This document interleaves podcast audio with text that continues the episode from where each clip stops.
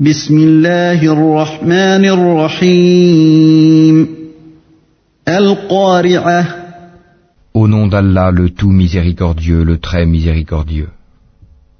Le fracas.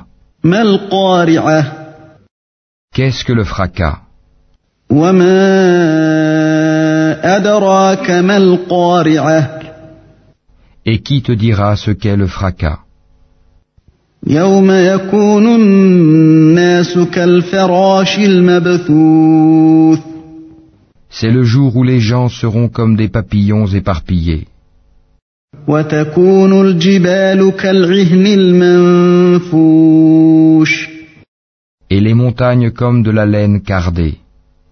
فأما من ثقلت موازينه Quant à celui dont la balance sera lourde, فهو في عيشة راضية il sera dans une vie agréable.